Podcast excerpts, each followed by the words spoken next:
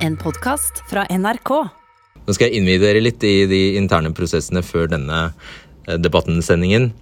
Helt inntil i går kveld, da det eksploderte i Washington, så hadde vi en, eh, jeg må si, en god plan om å lage en eh, spennende og interessant sending om koronavaksine. Og vi hadde nyheter på gang også.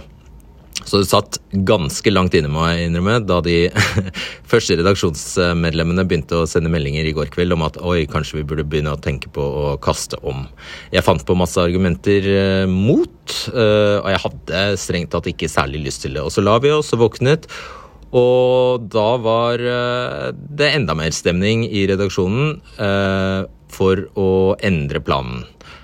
Og så kom det faktisk beskjed om fra redaktørhold, og det skjer utrolig sjelden, at eh, vi burde det. Vi burde legge om temaet. Eh, og da er jeg skapt sånn at da eh, får jeg piggene ut. Jeg vil ha en god begrunnelse for det, og jeg vil at det skal drøftes. Og vi drøftet det. Og etter hvert så bare innså jeg at uh, dette var en kamp jeg ville tappe uansett. Og det var Og at jeg, jeg, jeg skjønte jo etter hvert utpå formiddagen der at det var helt riktig å, å legge om, og at uh, det ville være rart å kjøre vaksiner i, i kveld. Så jeg innså det.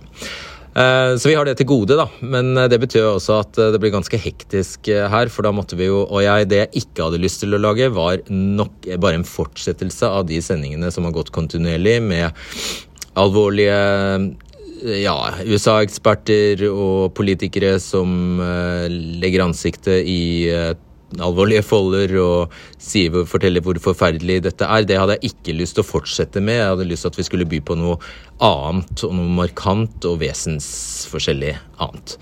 Eh, så da la vi hodene i bløtt, og det konseptet vi kom opp med da, var det du skal få høre nå, nemlig en, eh, altså en klar meningsutveksling eh, mellom de som mener man må anse Trump for den, at, vi har hatt gode muligheter i fire år til å, til å, analysere Trump som en fascist.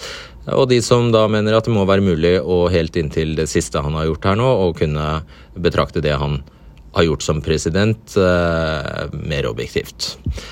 Så eh, jeg Ja, du får bedømme selv. Jeg syns vi eh, klarte det, og vi eh, viser også at vi eh, har, har, forstår at den hjemlige debatten, og ikke minst det hjemlige debattklimaet, preges av det som foregår i USA.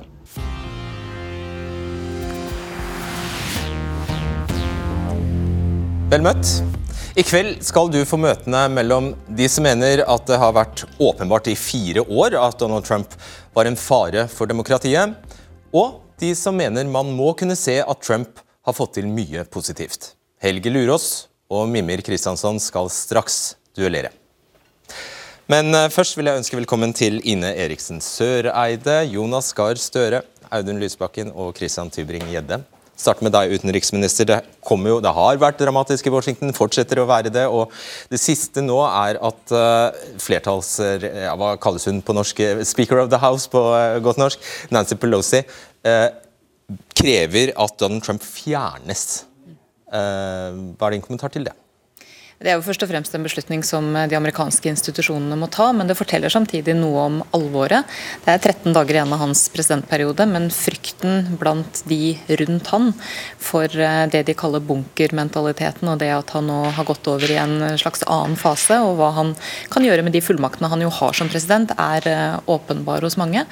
Og så er det selvfølgelig en vurdering eh, som jeg er helt sikker på at både republikanere og demokrater også gjør, av at nå er stemninga veldig anspent, den er veldig giftig. Vi er jo på ingen måte sikre på at vi er ferdig med de demonstrasjonene og de angrepene på demokratiet som vi så i går. Og da kan jo også risikoen være til stede for at eh, det å avsette han ved å bruke det 25. grunnlovstillegget kan føre til enda mer eh, protester. Så, så det er helt sikkert en avveining de gjør, men det er det også de amerikanske institusjonene som må gjøre. Ja, for det er ikke gitt Jonas Gahr Støre at det er det eh, mest fornuftige å gjøre. Dette 25. Det er 25., ikke sant? Eh, grunnlovstillegget. Eh, hvilke, på hvilket grunnlag skulle man eventuelt ha klart å fjerne Trump nå? Det handler jo om å, Hvis presidenten er uskikket til å ha den jobben og det store ansvaret og alle de fullmaktene, så kan altså visepresidenten og halvparten av regjeringen for å si det på den måten, ta det initiativet. Jeg forstår det. hvis det er riktig som vi har grunn til å tro at presidenten egentlig har ledet an i et fysisk angrep på den amerikanske kongressen som tok liv, eh, så er det så alvorlig at jeg forstår at resten av det politiske systemet på begge sider, republikanere og demokrater, gjør det. Så er det riktig at dette må jo de avgjøre. Jeg tror, når det kommer til, eh, alt kommer til alt, at det er 13-14 dager igjen. Og det er korteste veien til slutten.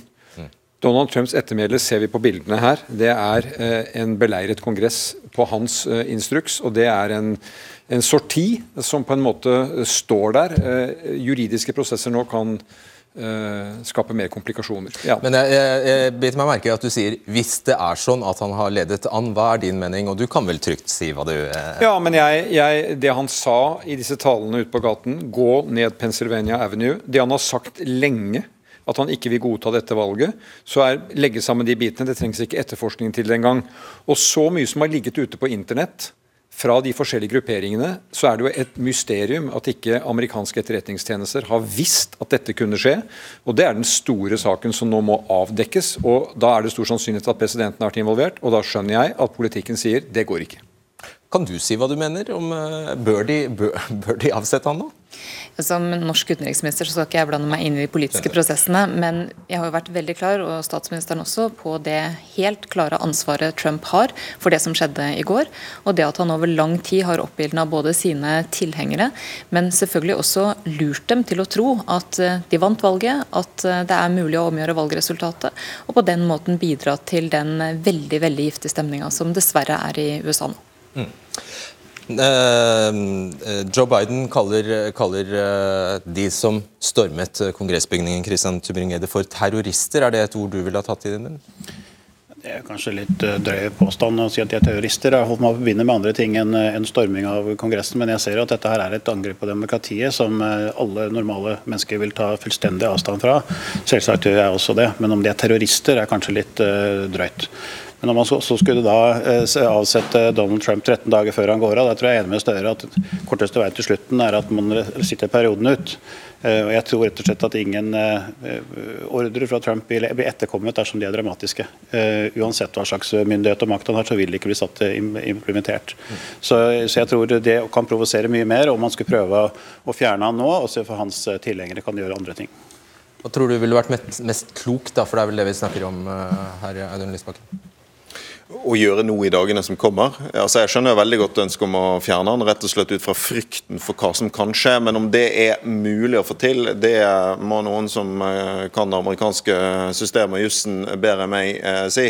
Det som jo er eh, litt overraskende, syns jeg, er hvor mange som er overrasket, eh, både her i Norge og i USA, eh, over den situasjonen vi har eh, fått. Fordi dette er jo den avgrunnen trumpismen har pekt mot i fire år, med en stadig utvisking av skillet mellom løgn og sannhet, en undergraving av helt grunnleggende demokratiske verdier, at dette kunne ende i vold, det jo, uh, burde dessverre ikke være egnet til å overraske noen. Ok, Så hvem er det du hoverer over, Nei, over da? Er helt, uh, jeg hoverer ikke over noen, men, men jeg mener vel... ja, Kall det hva du vil, men, jo, hvem, er du, hvem, er, hvem, er det du, mener ikke har fulgt godt nok med i timen da? her på berget? Altså, hvis jeg får si to ord om USA først, så mener jeg at altså, fordi at, sånn, Dette er bilder av kamuflasjekledd pøbel som uh, trenger seg inn i Kongressen. Men du må aldri glemme at bak de, de som har gjort dette mulig, det er republikanske opportunister i dress og slips som har utnyttet dette. sant? Og her hjemme så mener jeg at det også er grunn til ettertanke. fordi alt For mange... For hvem, var det jeg spurte? Ja, jeg mener det For regjeringen, først og fremst. Eh, og selvfølgelig for Christian Tybring-Gjedde, som okay. nominerte Trump til fredsprisen. Eh, men jeg mener jo at eh, det er for mange som har listet seg på silketøfler, vært for redd for å fornærme vår mektigste allierte. og Derfor har man ikke snakket tydelig nok og sant nok om hvor farlig denne politiske bevegelsen er. Dette skal vi snakke mer om. Vi skal først bare få inn en forhenværende SV-er. Det er deg, Snorre Valen. Du er her i kraft av å være politisk redaktør i avisa Nidaros. Velkommen til deg. Takk. Eh, hva mener du om Norges håndtering av eh, Trumps president Ja, Trump som president?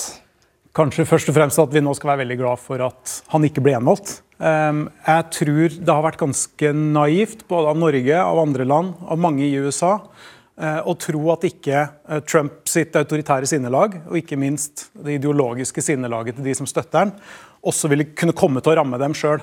Det gjelder Norge òg. Det er veldig forståelig, både menneskelig og sikkerhetspolitisk, å prøve å klistre seg så tett opp til en, en type leder som Trump. Eh, men det er risikofylt.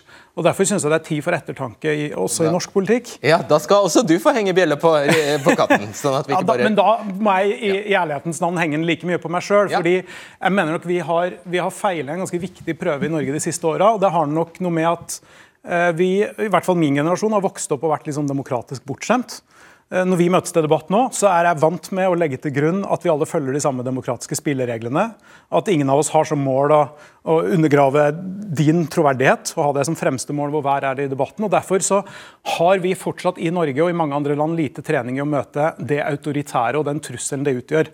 Det har vi først og fremst tidligere sett i, i diskusjoner om Kina, Norges forhold til Kina. Norges forhold til Saudi-Arabia.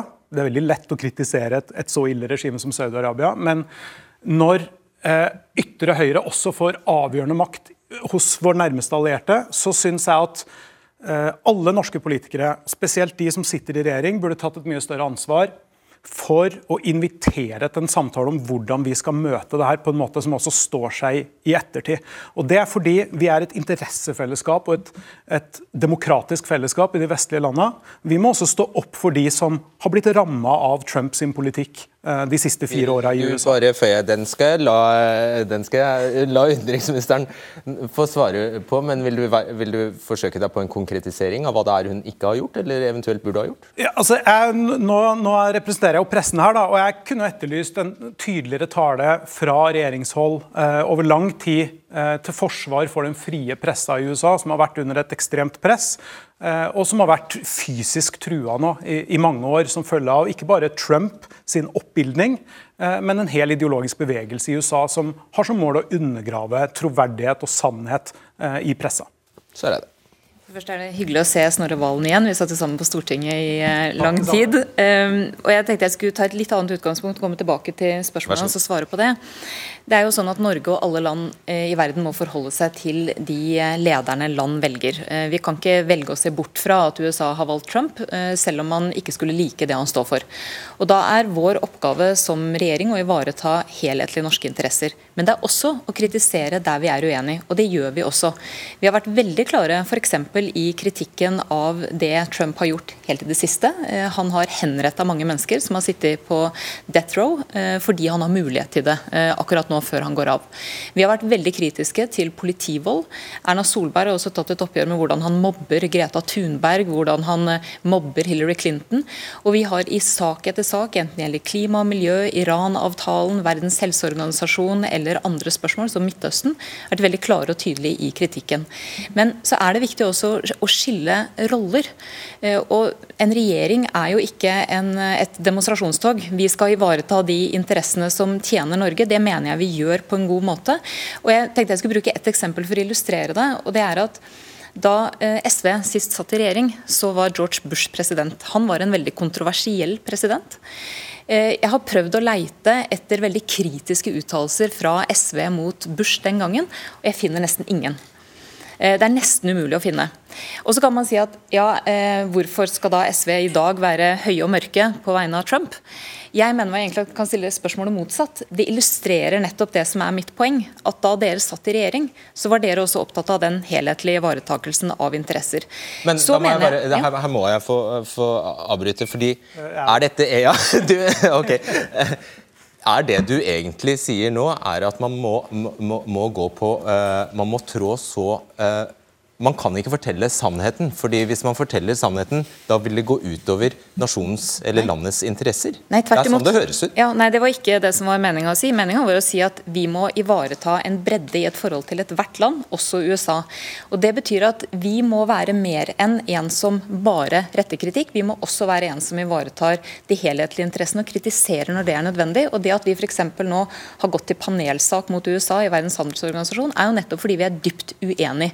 Og jeg, jeg synes Et godt eksempel også er Jens Stoltenberg, som har fått mye fortjent ros for måten han såkalt har håndtert Trump på. Det har jo ikke vært ved at han har konfrontert Trump hele veien, men det har vært ved at han har ivaretatt Natos interesser og holdt USA engasjert i Nato på en måte som har vært viktig også for oss som allierte. Okay. Men For det første er det veldig viktig for meg Bare ta det første. Ja, ja men jeg, er jo her som, som, redaktør. Jeg er ikke engang lenger medlem i SV, så, så du må ta SV-diskusjonen med Audun Lysbakken. Eh, men for det andre så svarer du ikke helt på utfordringa mi. Og, og, det finnes sikkert masse eksempler på at regjeringa har kritisert enkelthendelser, enkeltuttalelser, enkeltepisoder man er uenig med Trump i, og så tatt det på normalt vis land imellom. Men, men det jeg nettopp etterlyser ja, men det jeg nettopp etterlyser, er jo en vilje i norsk politikk til å anerkjenne hvordan Donald Trump og hans bevegelse hele veien har skilt seg fra andre amerikanske presidenter. Ja. Andre amerikanske regjeringer andre normale politiske bevegelser. Hva, hva, hva, hva, krever det? Skal de si at han er ko-ko? Nei, jeg syns altfor alt for mange sier at Donald Trump er ko-ko. Altfor ja. få sier at han er del av en ideologisk bevegelse som har som mål å undergrave demokratiet. Det har hans rådgiver Steve Bannon sagt det? Skal, er, det, er, det, det de skal begynne med sånn systematisk? Å betegne regjeringer i Brasil, i, eh, i, i, Bolivia, i Venezuela? Er det sånn de skal Ja, men Det er jo det som har vært vanlig. Altså, da Jonas Gahr Støre var uh, utenriksminister, så omtalte han Jobbik, som var på vei mot makt i Ungarn, som en demagogisk bevegelse, og satte det nettopp i en ideologisk sammenheng som var viktig for at vi i Norge skulle forstå hva det var som foregikk i Ungarn. Og det som foregikk i Ungarn, var ikke at en, en helt vanlig regjering regjering gjorde upopulære ting. Det var at demokratiet var under angrep, sånn som det har vært i USA men de det, siste fire årene. Men det, Snorre, det er en av årsakene til at vi har vært veldig klare på at når Trump ikke har tatt avstand fra f.eks. politivold og bidratt til å nøre opp under det i juni i fjor, så var vi ute og snakka klart om det. Det som skjedde i går, er av en helt annen dimensjon. Ja. Det tror jeg alle er enig i. og Derfor er reaksjonene våre også veldig kraftige. Men det har ligget i korta lenge. Større enn gikk delvis til deg. Nei, jeg syns at uh, Snorre Valen reiser veldig viktige spørsmål. Jeg syns vi skal på en måte gå i oss selv og si hvordan håndterer vi dette. Vi er ikke alliert med Donald Trump, vi er alliert med USA. Vi var ikke alliert med Barack Obama, selv om mange likte han. Vi var alliert med USA. George Bush, Bill Clinton, og vi går hele rekka tilbake. Det er dilemmaet. De bytter regjeringer. Men det er fortsatt slik at i hovedsak er det våre allierte. Hvis vi ikke liker denne regjeringen, så håper vi kanskje på at den da blir eh, omvalgt. Det skjer nå i USA. Da forandrer det seg. Det kan jo selvfølgelig komme slik, og jeg mener USA har vært i det største grenselandet under Trump, at dette er et land vi får fundamentale problemer med å forholde oss til. Men Nato har en historie som ikke bare er stolt. Vi hadde kuppmakere i Hellas. Vi hadde, uh, i, altså hadde autoritære regimer i Portugal uh, og Spania. De var fortsatt allierte. Sånn er pragmatismen i utenrikspolitikken ganske rå. Og Jeg har for min del forsøkt å finne balanse mellom å si at han representerer nettopp dette politiske fenomenet som Snorre Valen snakker om. Det er en bred ytre høyre-bevegelse som er i grenselandet til hva jeg vil kalle fascisme. Det må vi ta i de rette politiske forum. Utenriksministerens parti er med i en fellesorganisasjon av partier hvor hans parti er med. En del debatter hører hjemme der. Og en del debatter hører hjemme i de internasjonale, som utenriksministeren sier i forbindelse med dødsstraff og den type ting, WHO. Men USA er nå det landet vi skal samarbeide med. Om 14 dager er det Joe Biden. Vi er ikke alliert med Biden, vi er alliert med USA. Så ikke, Hvorfor kommer det nå først, at du kaller Trump og hans tilhengere fascister? Nei, Jeg har sagt at de er i grenselandet mot det. Jeg har sagt dette før Donald Trump ble valgt. Og jeg har sagt det mens han ble valgt, at måten han, det, det han representerer, det han oppildner Og det er ikke nok i dag Fredrik Solvang, å si som noen gjør, det er 70 millioner eh, amerikanere som, eh, som deler hans syn. De vi så i går, de som er de organiserte yttergruppene, de nører opp under dette. Og de er farlige. De er farlige i USA. Og de representerer bevegelser utover USA. De er i Europa. De finnes også i vårt land, og de må diskuteres og konfronteres. Lysbakken, har du, du har jo vært, eh, Man må kunne gi deg det at du har vært relativt tydelig overfor eh, Trump. Men hva, hva, hva, har, hva har, du og hva har Norge oppnådd eh, med det? Jeg tror ikke verken jeg eller noen andre kan skryte på meg at Trump har hørt så mye på det. Det skal jeg ikke påstå. Men Det var vel poenget mitt. Ja, men hvorfor er det viktig likevel? Jo, fordi dette handler om å ikke akseptere normaliseringen av det ytterliggående ekstreme autoritære. Det er det det handler om. Og Det er derfor det er ganske viktig også hva regjeringen sier. og Det er derfor jeg synes det er litt avslørende med en sammenligning til utenriksministeren mellom Bush og Trump. Eh, nå, nå, tror jeg for så vidt at de fleste som eh, husker Irak-krigen og sånn, syns at påstanden om at SV ikke kritiserte Bush, var litt rar. Men poenget er, poenget er det er jo likevel to helt forskjellige ting. Altså Jeg er dypt uenig med George Bush men han aksepterte noen grunnleggende demokratiske spilleregler. Det gjør ikke Trump. Og Hvis ikke du ser den forskjellen, så har vi et litt sånn problem her. Og det er der jeg mener jeg er litt forundret over at det ikke er mer ettertanke hos regjeringen. Fordi det dere har gjort disse fire årene, det er ganske systematisk, og det budskapet har kommet fra deg også mange ganger. og sier man må se, man må se forbi Twitter-feeden og retorikken, og vi har jo så godt samarbeid. Og, og Poenget er at når de allierte, Norge, Vesten, Nato jeg mener den Kritikken også gjelder eh, Jens Stoltenberg. Igjen og igjen gjør det, så bidrar man til å normalisere noe som en ser resultatet av nå. Og Det syns jeg ikke dere bare skal avfeie, for det er faktisk en utrolig viktig det, diskusjon. Det skal du selvfølgelig få, få svare på. Eh, men du, du, du Tybring-Gjedde, har, kalt, eh, du har kalt han gal i dag, har du ikke det? Jeg sa at han etter valget og valgnederlaget så har han vært i mental ubalanse. Han har blitt bare verre og verre og verre. og det jeg vet at Audun Lysbakken vil si at det burde jeg sett på dag én. at han egentlig var... Eller syke mennesker bør jo ha hjelp? burde ha hjelp. Jeg syns eh, han har vært, eh, hatt en skremmende oppførsel og ikke aksepterte valgnederlaget. Det er et veldig klart brudd på demokratiet. Eh, men så går man altså denne fella nå, liksom at vi sier at For nå vet vi går mot slutten, at nå skal vi smartmale alle som er tilhengerne av Trump. De er alle Støre en stor sammensvergelse. Vil nå lager Støre en konspirasjonsteori om at det er folk i Norge og det er folk i Europa som tilhører den samme klanen av gale mennesker som skal ta over verden. Sånne konspirasjonsteorier kjøper jeg ikke. Jeg, jeg, det er reelt sinne og frustrasjon i USA. Det er stor uh, skille mellom folk i USA. Folk er sinte og frustrerte av mange ting. De er, de har, de er, sinte på eliten, de er sinte på mediene, de er sinte på akademia. De er sinte, og mye av dette er helt reelt. Jeg må ikke late som at alle står her og tenker at nå skal vi gjøre opprør og lage et, et, et, et tyranni i Amerika. og sånn. Det er jo ikke det som er utgangspunktet. Utgangspunktet er frustrasjon. Men, men du, du, du, nevnte så vidt at, at Lysbakken allerede har, har, eh, påpekt det overfor deg. Hva er grunnen til at noen har advart om dette i flere år, mens du kommer altså Siste dagen, nær, nær sagt. Ja, altså, for det første så har vi jo helt to ulike politiske ståsteder. så At eh, SV kritiserer republikanerne er kanskje ikke så overraskende. Og at de kritiserer Trump er heller ikke særlig overraskende. Nei, men De mener de har sett disse faresignalene med Trump lenge, da. Det er altså, poenget. Altså, utenriksministeren og, eh, og Audun Lysbakken, der, det er jo der du skal se på nyansene her. Jeg står ikke her og skal forsvare Donald Trump i det hele tatt. Men jeg er ikke overrasket at han kritiserer Donald Trump, og beskylder oss for å kritisere Donald Trump. Det, det tror jeg nesten er helt eh, selvsagt. Men det er interessant en til jeg må ta med, er at eh, her står Snorre Valen, tidligere SV, og må presisere at han faktisk er fra mediene. Altså dette nøytrale mediene, som eh, Var det, var Audun Husbakken eller var det Støre som sa veldig viktig av nøytrale medier? Så kommer han fra SV, og vi klarer ikke engang å skille at han er i SV eller han er på dette nøytrale media. Det sier også litt. Grann. Ok, først uh. Ja, jeg må svare på det Lysbakken sa i stad, fordi han fordreier jo mitt standpunkt ganske kraftig. For det første så er det åpenbare forskjeller mellom Bush og Trump.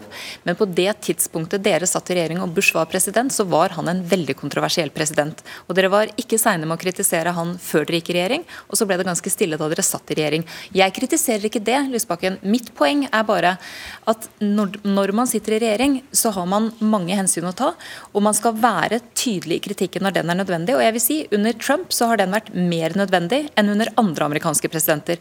Og så har jeg ikke sagt at man skal la være å se på hva han sier, men det jeg har sagt er følgende. Hvis vi bare fokuserer på Twitter-feeden hans, så glemmer vi at han har gjort i sin presidentperiode noe som har vært bra for europeisk sikkerhet, som vi har etterlyst lenge, og det er et større nærvær i Europa. Det rimer ikke med det han sa på Twitter, og nettopp derfor så var det et poeng å presisere det. Ja, men, men det jeg er litt opptatt av at utenriksministeren gjør, er jo å, å, gå litt inn i hvordan Norge har opptrådt disse fire årene. For jeg, jeg, anerkjenner alle de dilemmaene der. Det er klart vi må snakke med presidenten i verdens mektigste land. Det er klart vi må ha en, en relasjon. Uh, og dere er enda mer opptatt av det enn det jeg er. Men sant? vi er likevel i en situasjon hvor ganske så ekstreme politiske krefter har blitt normalisert i vår største allierte. Vi risikerer at spørsmål ved eh, demokratiet, grunnleggende spørsmål ved støtten til demokratiet i vår verdensdel, settes på spill. Og Da er det store spørsmålet sånn, Betyr det at man bare kan holde på som en hvilken som helst annen amerikansk president? Eh, fordi at, da, for da betyr Twitter-feeden og retorikken noe. Eh, man kan okay. ikke bare se bort fra det. Eh, eh Snorre Valen skal få avslutte, siden du har reist lengst i dette rommet, i, i, i hvert fall. Du, får, du fikk reise, tenkte jeg. Eh, altså, det Tybring-Gjedde er innom her, er at det er i stor grad mye overgang mellom eh, partiene, kan man si. Altså, og kanskje spesielt det, det, du vil mene, er at det er flest overganger mellom venstresidepartiene og pressen, og at pressen i stor grad agiterer venstrepolitisk. Eh, ja, Du kan bare svare på den beskjeden. Ja. Nei, jeg, jeg synes Det er interessant å se Christian Tybring-Gjedde gjøre en oppvisning i akkurat det vi snakker om her. Da, og Det er å være ute etter å undergrave medienes troverdighet, istedenfor å snakke om den personen som er elefanten i rommet, og som nettopp har prøvd å, å, lede et angrep mot Kongressen i USA. En av mine nye kolleger i media er Espen Teigen, som tidligere inntil nylig var aktiv i, i ditt parti. Christian Tybring-Gjedde. Vi satt i et panel sammen og var enige om noe og uenige om annet. Men en ting jeg tror jeg og han for eksempel, er helt enige om, det er at det som starter med små drypp, som hele tida har som formål å undergrave den frie pressas troverdighet, det ender fort opp i de haugene av knuste kamera du kunne se utafor Kongressen i går etter angrep mot frie journalister. Det er en av de tinga både Christian Tybring-Gjedde og for så vidt Ine Eriksen Søreide fra regjeringshold bør, bør, legge merke til at det som starta som en politisk strategi for å angripe medienes troverdighet, har endt opp med å true de frie mediene i et av verdens eldste demokrati. Det er, også derfor vi har kritisert presidenten for det. Ja, og det er et godt stikkord. Takk skal du ha, og god tur hjem. Ja, noen målinger viser at eh, nå skal jeg gå bakover her, noen målinger viser at eh, halvparten av republikanerne i USA eh, mener Joe Biden vant pga. valgfusk. Her i Norge vil jeg tippe den andelen er nokså lav, som tror eller mener det, men det finnes mange Trump-tilhengere også i Norge. Og mange av dem har funnet tilhold hos Resett, som er et sted for Antiglobalister, motstandere av drastiske klimatiltak, innvandring, islam, multikulturalisme, radikal identitetspolitikk osv. Med andre ord, dette er jo i store trekk mye av det trumpismen står for. Velkommen Helge Lurås og Mimir Kristiansson. Jeg regner med du ikke protesterer på den uh, betegnelsen? Jeg, jeg, vil jo si at det er mer nyansert, og at vi har mer alminnelige saker og, og leser også, men det er greit. Men dette også? Ja, absolutt. Ja. Du skriver i dag Trump har et stort ansvar for det som har skjedd, og han bidrar dermed til at også de faktisk positive tingene han har oppnådd og representert, blir vanskelig å forsvare. Det var lovlig seint å komme med. Ja, men nå har jeg vært kritisk til Trump og måten han har håndtert det der på helt siden valget. Og når mange av disse mest uh, hva skal jeg si, massive påstandene om valgjuks har kommet, så dette er ikke nytt fra Resets eller min side. Hva sier du til det, Kristiansson? Jeg er glad for at Helge Lurås har tatt til fornuften. og Jeg syns ikke noe grunn til å hovere over at folk eh, endelig ser lyset, for å se det med et uttrykk fra min landsdel. Men det holder jo ikke at Helge Lurås tar et oppgjør med konspirasjonsteoriene til Trump. Han er jo òg nødt til å ta et oppgjør med seg sjøl og med Resett. Fordi at Det Resett har blitt i Norge, er jo et samlingssted for nøyaktig den samme rasismen, nøyaktig det samme hatpratet, nøyaktig de samme konspirasjonsteoriene som det Trump står for. Og Enten skjønner ikke Helge Lurås hvilke krefter det er han nører opp under her, eller så gjør han det, men syns det er greit fordi at det genererer en inntekt og et levebrød for han. Og jeg vet ikke hvilken av de alternativene som jeg syns er verst. Ja, nå, nå, er jo kanskje, Hvis vi hadde sett på den dekningen vi har hatt, så har vi faktisk tatt en, en diskusjon med våre egne lesere eh, i etterkant av valget. og De har vært uenige i den eh, måten vi har presentert ting på. og Det har også straffa seg for oss økonomisk. Jeg føler ikke at den treffer. Men når det gjelder din beskrivelse av hva Resett står for, og hva leserne leserne representerer, og hva Trump har representert, så er jo det en av grunnene til at folk også flokker seg rundt Resett. For det er en ensidig demonisering av noe veldig mange mennesker Eh, mener helt genuint, og det er en grunn til at uh, halvpart men, altså, dette, det, handler også om det budskapet som Donald Trump hadde i 2015 og 2016, hvor halvparten, nesten halvparten av den amerikanske befolkningen faktisk stemte på det. Og Det handler om at mange mener den utviklingen som har vært i forbindelse med vi kan kalle begrepet globalisme, har gått dem forbi, og at de ønsker politikere som setter deres interesser først, setter nasjonens interesser først. Det har vært av den type ting. og det er det det er grunnen til at folk også har flokka til Resett, ikke at leserne våre er rasister. Og Nettopp den type måten å stigmatisere på er en grunn til at vi har mange som følger oss. Altså, jeg er ikke noen sånn Trump-allergiker i den forstand at jeg ikke syns det er interessant å analysere hvorfor han har appell, eller for den saks skyld kan mene at Trump har beskrevet mange problemer i USA som er helt reelle. Avindustrialisering, eh, eller for den saks skyld en delvis korrupt amerikansk elite osv. Men det er jo avgjørende å lage et vanntett skott mellom det og mellom det som har blitt hovedsiden av Trumps presidentskap etter fire år, nemlig at hans rasisme hans hatprat og hans konspirasjonsteorier har ledet fram til at den amerikanske kongressen har blitt storma av en voldelig mobb. Og det vanntette skottet du... har ikke du lykkes i å lage på Resett. Det er bare å lese sitt eget kommentarfelt, så vil du oppdage det. Ja, men altså, Du er overhodet ikke nyansert. Jeg tror faktisk du har mer nyanserte holdninger enn det du ut, si, forteller de som ser på denne, denne sendingen her. Og Det er noe av problemet. Hvis de etablerte mediene og etablerte politiske partiene i Norge faktisk hadde tatt en, en noe mer nyansert uh, si, debatt om det Trump har representert, så ville du også kanskje fått mindre av den type si, uh, litt, litt, rigid tenkning som du også finner i kommentarfeltet til, til, eh, til Resett. Ok, Jeg skal utfordre deg på en ting. Altså 6. november, Dette var rett etter valget i USA. Da skrev du massemediene har brukt propaganda og en selektiv rapportering iblandet kommentarer som i sum kvalifiserer til merkelappen løgn. Når du skriver noe sånn til et norsk publikum, da vet du jo nøyaktig hva, hva du gjør. Du importerer en historie om at mediene det kan også, det innbefatter, det vet vi veldig godt, innbefatter også NRK, driver med løgn. Hvorfor gjør du det? Fordi jeg mener det er riktig. Hvis du ser på den totale dekningen som har vært av i, i norske medier og i de ledende amerikanske mediene, så, eh, så, summerer det seg opp til en veldig feilaktig framstilling av veldig mange forhold i samfunnet. Og det var det, og det, var det Trump representerte i 2016. Du så det også. Og det er greit, Lurås, Men du ser at det har smittet over til norske forhold. Nå, tror, nå er det en god slump mennesker som mener at norske medier driver farer med løgn. Ja, og det, og det gjør dere. Eh, du er jo en av de få som faktisk blir positivt okay. omtalt i Resett. Ja, men altså det, det, er faktisk ganske viktig. Og jeg, jeg lytta her til hva, hva Lysbakken har hatt og sagt. og Måten han framstiller Trumps presidentskap på, er også noe som blir reflektert og har vært reflektert i de etablerte mediene. Og det har på ingen måte vært en, en, en balansert dekning av noe som er ekstremt viktige forhold, inkludert for USA.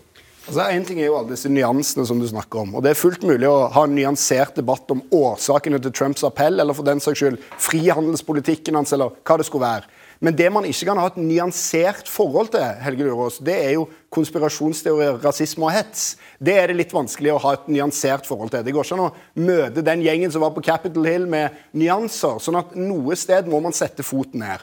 Og det er det du ikke har lykkes med å gjøre i Resett. For i de kommentarfeltene du har der Og jeg kan bare forklare deg hvordan dette funker. Hver gang jeg er omtalt i Resett i noe som ligner på et ufordelaktig maner, og det kan være helt greit det som står i artikkelen, så våkner jeg opp til at Facebook-innboksen min, den der andre innboksen for de som ikke er venner med meg, den er full av folk som vil banke meg opp. Det skjer hver gang.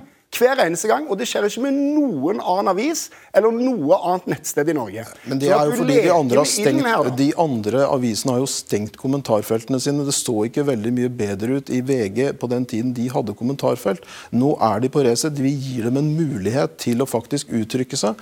Og det er en stor hodepine for oss, som folk bruker mot for å sverte Resett. Men det er viktig for demokratiet at folk har en stemme. Og dessuten, altså Trusler vil jo alle uansett ta, ta avstand fra Kristiansson. uansett sett på hvor, hvilket kommentarfelt eh, de kommer fra. Men det, det, som det vel eh, Lurås påpeker, er at det er en forsømmelse fra andre medier hvis de ikke greier å tilfredsstille de mange menneskene i Norge som er imot innvandring, som er imot globalisering, disse menneskene som er imot, som er imot også klimatiltak, som jeg nevnte, som bare er imot altså de har ganske, Det er, det er jo en kjensgjerning. De har få kanaler.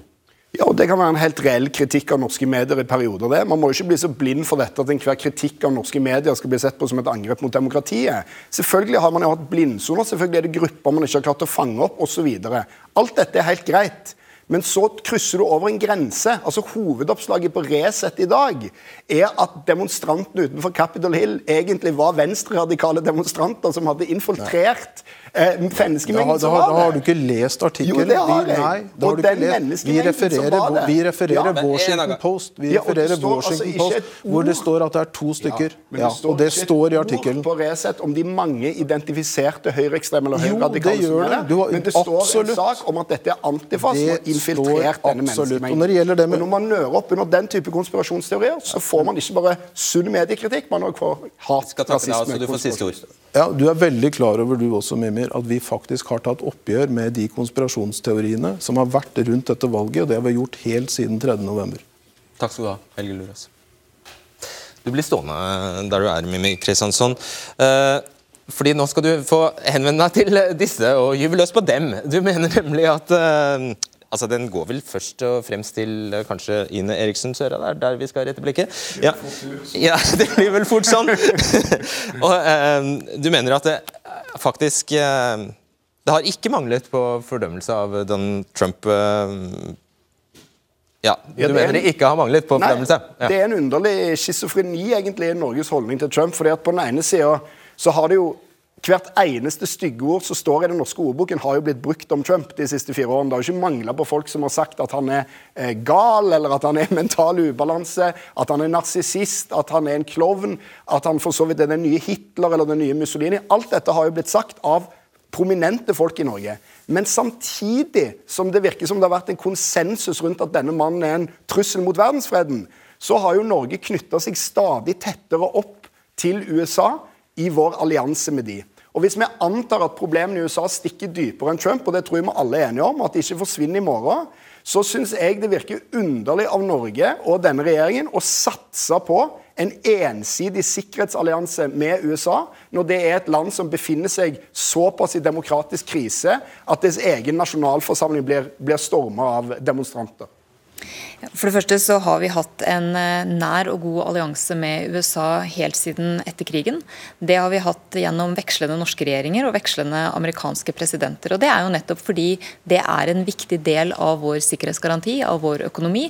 Og Det er jo ikke sånn at vi ensidig knytter oss opp til USA. Vi er i en allianse med 30 land som har tjent oss eh, og sikkerheten vår veldig godt.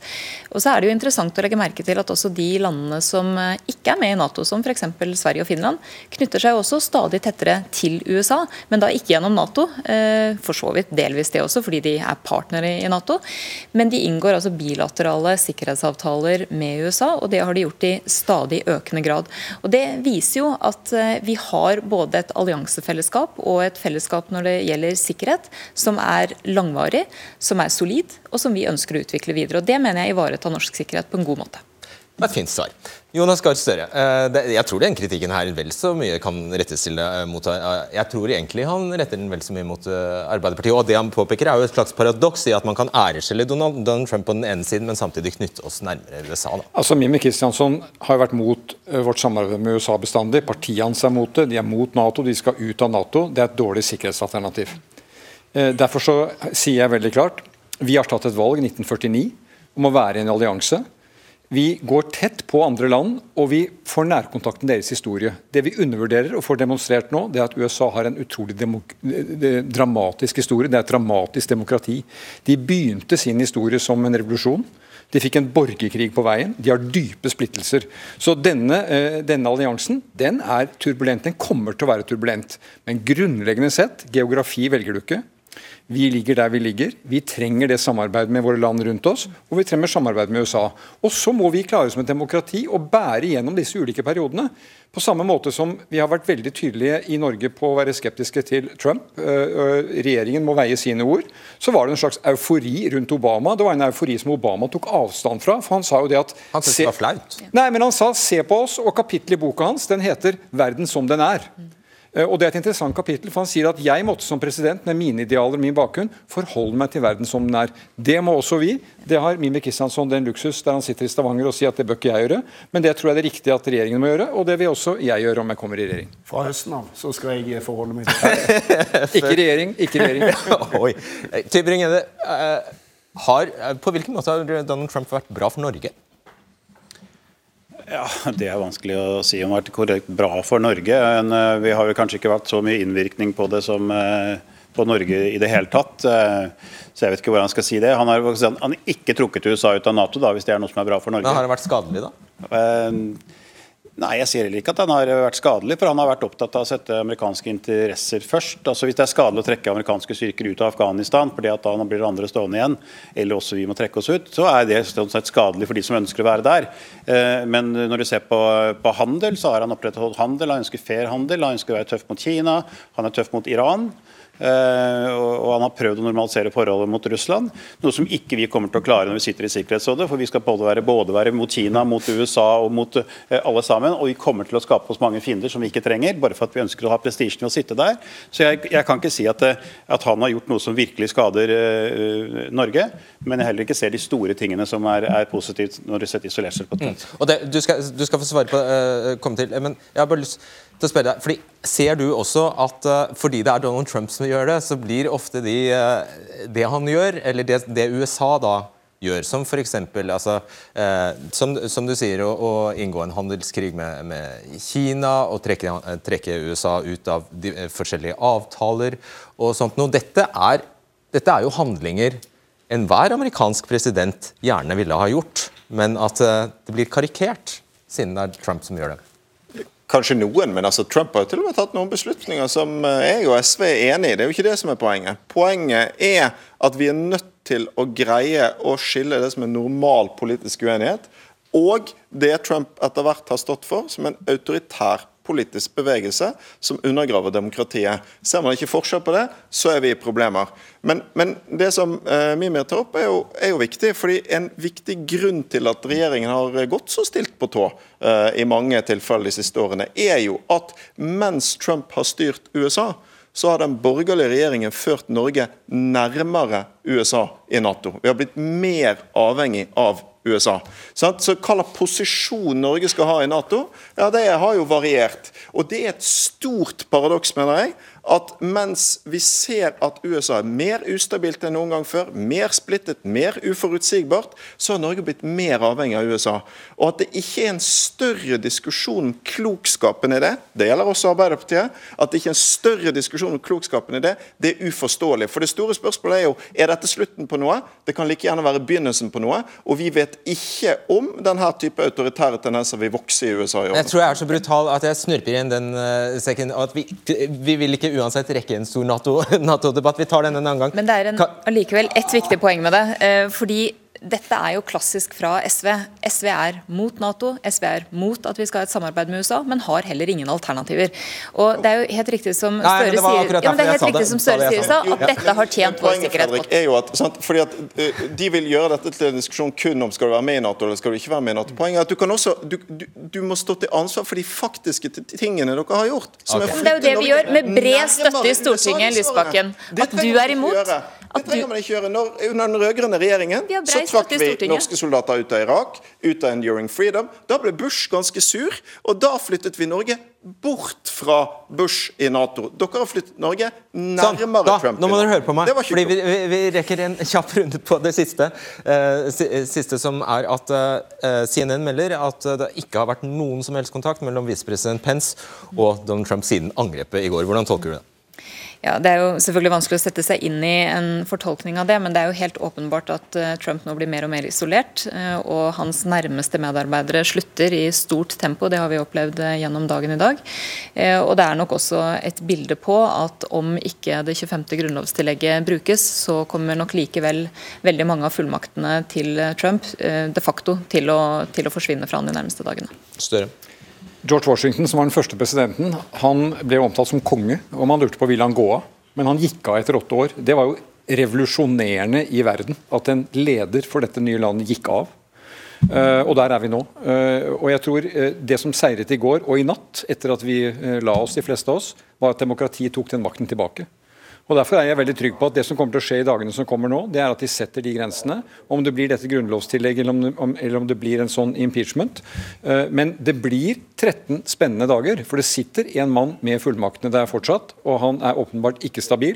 Eh, og det er farlig for USA, og det er ikke trygt for verden. Kjemperett. Og Det blir ikke bare 13 spennende dager, det blir 13 spennende år. fordi Problemene er stikker mye dypere enn Trump. Og de krisene vi ser her, de forsvinner dessverre ikke ut døra med han. Og så kommer det en innstillelsesseremoni. Hva Tror du skjer her? Nei, Jeg får jo håpe at uh, Trump stiller opp der. At han klarer å være statsmann helt på slutten. Og, og på en måte i hvert fall se, går ut med ikke så lavt nede som han ligger nå. Men, uh, men jeg tviler, uh, tviler, på det. Jeg håper i hvert fall møter opp. Okay.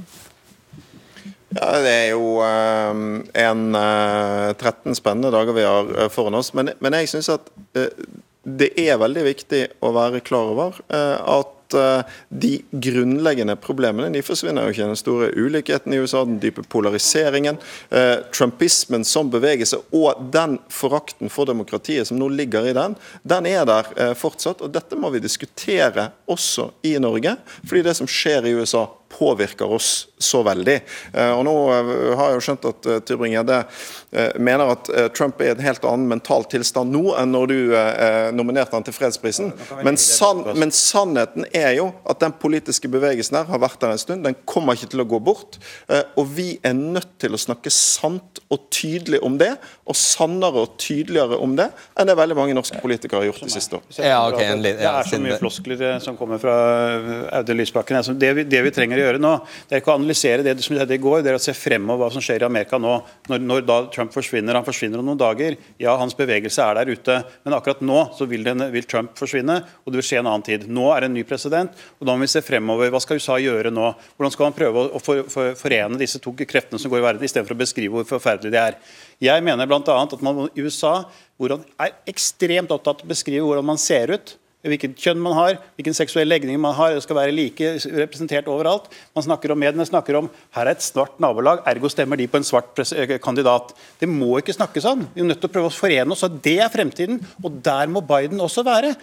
og det tror jeg han kommer til å være. Christian Tybring-Gjedde, Hvem er det som har nøret opp under de splittelsene? Du sier nå at nå må Biden forsone.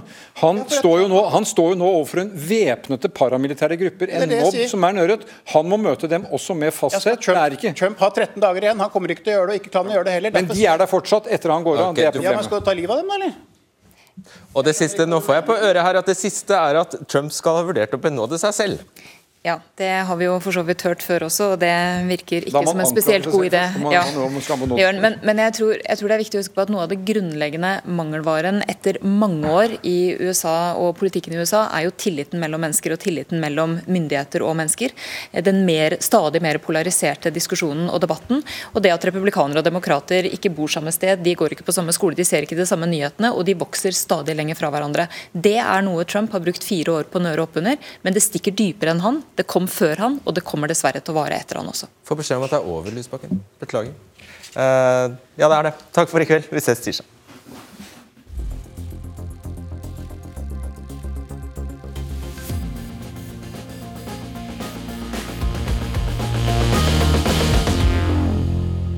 Vi visste selvfølgelig at det ville komme kritikk etter at eh, vi hadde invitert Helge Lurås. Det var veldig forutsigbart, og det har kommet noe kritikk mot det på sosiale medier, eh, legger jeg merke til. Der eh, kan jeg jo bare si at jeg tror det er livsfarlig å havne i den grøfta at en allmennkringkaster som NRK f.eks. ikke skulle invitere en redaktør som Helge Lurås. Da tror jeg vi er på vei til tilstander som vi ikke ønsker, og nettopp det at folk ikke prater sammen, og at de ikke deltar på de samme arenaene, er jo noe av det som har skjedd i USA. Så jeg er ikke tilhenger av eh, en sånn tilnærming, men samtidig så skal vi vite hva vi gjør eh, når det er snakk om omstridte og kontroversielle meningsbærere. Uh, ja, så det ville være delte meninger om vi greide det, men jeg tror jeg sier meg nokså fornøyd med dette her. Takk for at du følger med på debatten på podkast. Det er jeg veldig glad for. Ha det bra. Du har hørt en podkast fra NRK. Hør flere podkaster og din NRK-kanal i appen NRK Radio.